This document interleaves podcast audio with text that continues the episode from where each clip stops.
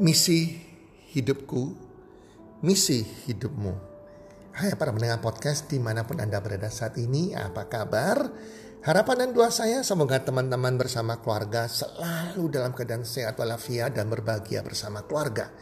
Dan pasti-pastinya hidup Anda makin bertambah rezekinya dari hari ke hari, makin bertambah keberuntungan dan kesuksesan selalu menyertai dengan apa pun yang Anda kerjakan teman-teman. Teman-teman, para pendengar podcast, jika ada yang mau bertanya kepada kami atau konsultasi kepada kami, jangan segan-segan untuk mengirim ke WhatsApp WA-nya admin kami di 08213 13 13826. Kami akan berusaha menjawab setiap pertanyaan yang masuk ke WA kami. Misiku, misimu Para pendengar podcast, ada satu pertanyaan yang ditanyakan kepada kami oleh pendengar podcast. Pendengar podcast bertanya kepada kami, Coach Tony Wijaya, apa misi Coach Tony di dalam hidup ini? Sebuah pertanyaan yang menurut saya sangat berbobot, sangat bagus sekali dan dalam sekali. Ini menunjukkan si penanya ini adalah orang yang sudah memiliki misi dan tahu tentang misi dalam hidupnya, tahu tentang tujuan hidupnya. Para pendengar podcast, saya teringat sekali di sebuah seminar yang saya pernah saya bawakan pada saat offline dulu. Saya bertanya pada peserta seminarnya, berapa banyak dari Anda yang punya misi dalam hidup ini? Ternyata nggak banyak yang angkat tangan hanya 20%. Itu artinya 80% peserta seminarnya tidak tahu tentang misi mereka tidak punya misi atau tujuan dalam hidup mereka, teman-teman. Jadi, misi adalah hal yang terpenting dalam hidup seseorang. Setiap orang harus punya misi dalam hidupnya. Apa sih misi itu? Kalau saya terjemahkan bebas, mengartikan bebas, misi adalah prioritas kita atau nilai-nilai hidup kita yang menjadi landasan kita hidup yang menjadi landasan hidup kita atau yang menjadi tujuan hidup kita itu adalah misi. Banyak orang tidak punya misi atau tujuan hidupnya sehingga hidup ini mengalir saja. Entah ke mana ikut arus saja dan bahkan mudah terpengaruh dengan orang-orang lain teman-teman. Itu yang berbahaya. Kalau kita melihat, mempelajari setiap orang kaya di dunia, orang yang wealth sejahtera di dunia bahkan signifikan di dunia mereka selalu memiliki misi. Orang-orang hebat di dunia selalu punya misi selalu punya tujuan hidup mereka. Itulah sebabnya kita kalau mau menjadi orang hebat kita harus punya misi yang jelas tujuan hidup kita yang jelas hingga hidup kita ini menjadi berarti teman-teman. Oke teman-teman apa misi saya dalam hidup saya Sejak kecil, sejak dari SD, saya sudah punya misi. Tujuan hidup saya adalah untuk ke surga. Untuk ke surga. Kenapa demikian? Karena sejak kecil saya melihat kakek dari ibu saya meninggal, kakek dari ayah saya meninggal, om saya meninggal, orang tua teman saya meninggal. Saya melihat banyak kematian. Dan itu mengerikan bagi saya dan itu ada timbul pertanyaan dalam pikiran saya waktu saya sejak saya masih kecil. Setelah mereka meninggal ini mereka ke mana? Ke surga ya? Atau ke neraka ya? Wah saya nggak mau ke neraka. Saya mau ke surga. Itulah sebabnya selama saya dari kecil sampai saya lulus kuliah, saya selalu mencari jalan ke surga yang tepat. Menurut saya. Orang tua saya punya kepercayaan sendiri, punya agama sendiri, tetapi saya mencari yang saya yakini tepat bagi saya, yang bisa menjamin saya ke surga. Karena misi hidup ini ke surga, itulah sebabnya saya selalu melakukan hal-hal dalam hidup saya apa yang Tuhan yang Maha Esa suka, apa yang Tuhan Maha Esa perintahkan untuk saya lakukan. Dan saya menghindari apa yang Tuhan Maha Esa melarang saya melakukan yang bisa membuat dosa kepada diri saya. itu sudah tertanam sejak saya di bangku kuliah teman-teman ya. Sampai sekarang. Nah, misi kedua adalah saya ingin bebas keuangan. Saya bersyukur sekali dengan membaca buku The Cash Flow Quadrant dari Robert Kiyosaki. Saya tahu bahwa orang yang bebas keuangan adalah orang yang punya passive income. Karena kehidupan kita, penghasilan kita umumnya adalah penghasilan aktif income yang bisa berhenti setiap saat. Sedangkan saya sadari bahwa orang-orang yang super kaya, orang wealth, orang yang signifikan, orang-orang yang mereka punya passive income, mereka tidak bekerja lagi, mereka punya penghasilan. Dan saya mau itu.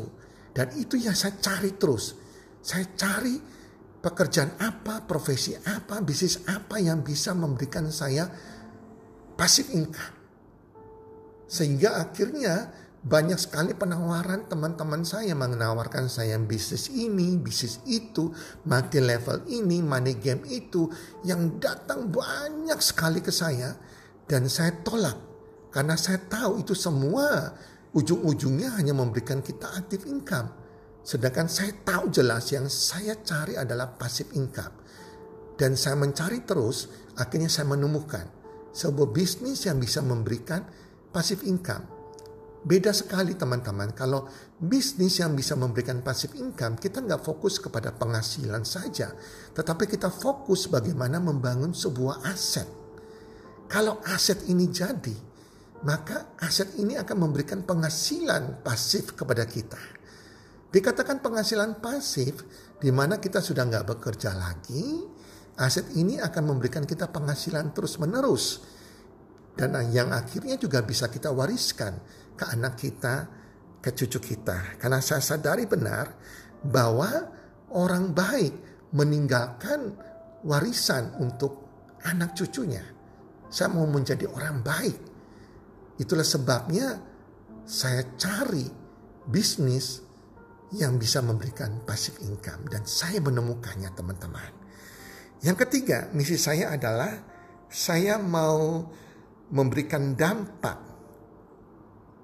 positif bagi orang lain. Saya ingin ber, menjadi impact yang positif bagi orang-orang sekitar kita, orang-orang sekitar saya dan bagi orang lain.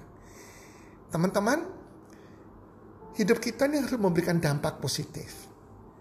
Dampak positif itu menurut saya ada dua hal. Yang pertama lewat karakter kita. Kalau karakter Anda sudah positif, karakter Anda karakter yang baik, yang positif, tentunya Anda menjadi terang di tengah kegelapan.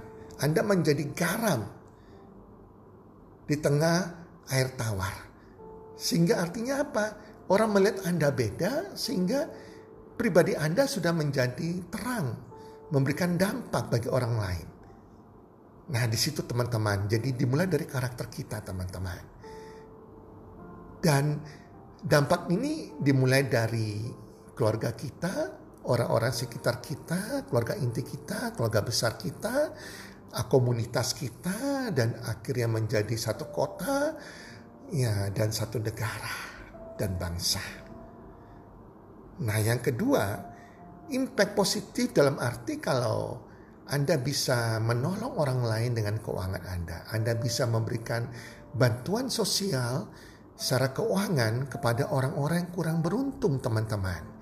Teman-teman kalau mempelajari ya, melihat orang-orang yang kategorinya signifikan, signifikan itu di atas wealth, mereka sudah super super wealth di mana mereka punya yang namanya foundation atau yayasan amal yang untuk membantu orang-orang kurang beruntung di dunia.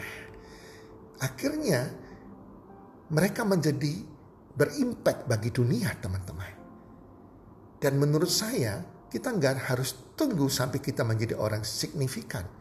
Pada waktu Anda dengan keuangan yang pas-pasan, Anda sudah menyisikan penghasilan Anda, anda beramal, menjadi berkat bagi orang-orang kurang beruntung, itu Anda sudah berdampak teman-teman. Jadi yang ketiga itu teman-temannya, jadi hidup kita harus memberikan impact bagi orang lain dengan karakter positif Anda maupun keuangan Anda yang bisa menolong orang lain, teman-teman. Dari skop kecil dulu, yang akhirnya makin hari makin besar, makin besar.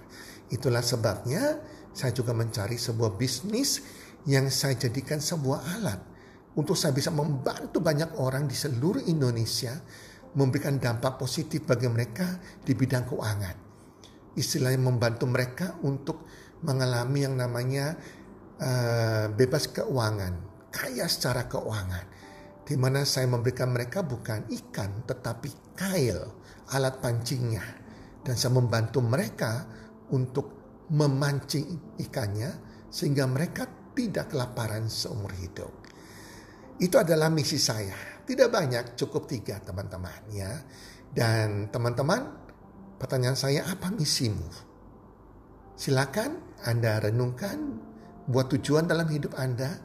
Anda bisa mencontoh seperti misi saya, ataupun Anda bisa membuat misi yang berbeda dengan misi saya. Semoga podcast kali ini memberkati Anda semuanya dan menjadi inspirasi bagi para pendengar podcast podcast semuanya. Dan salam sukses, one, two, three.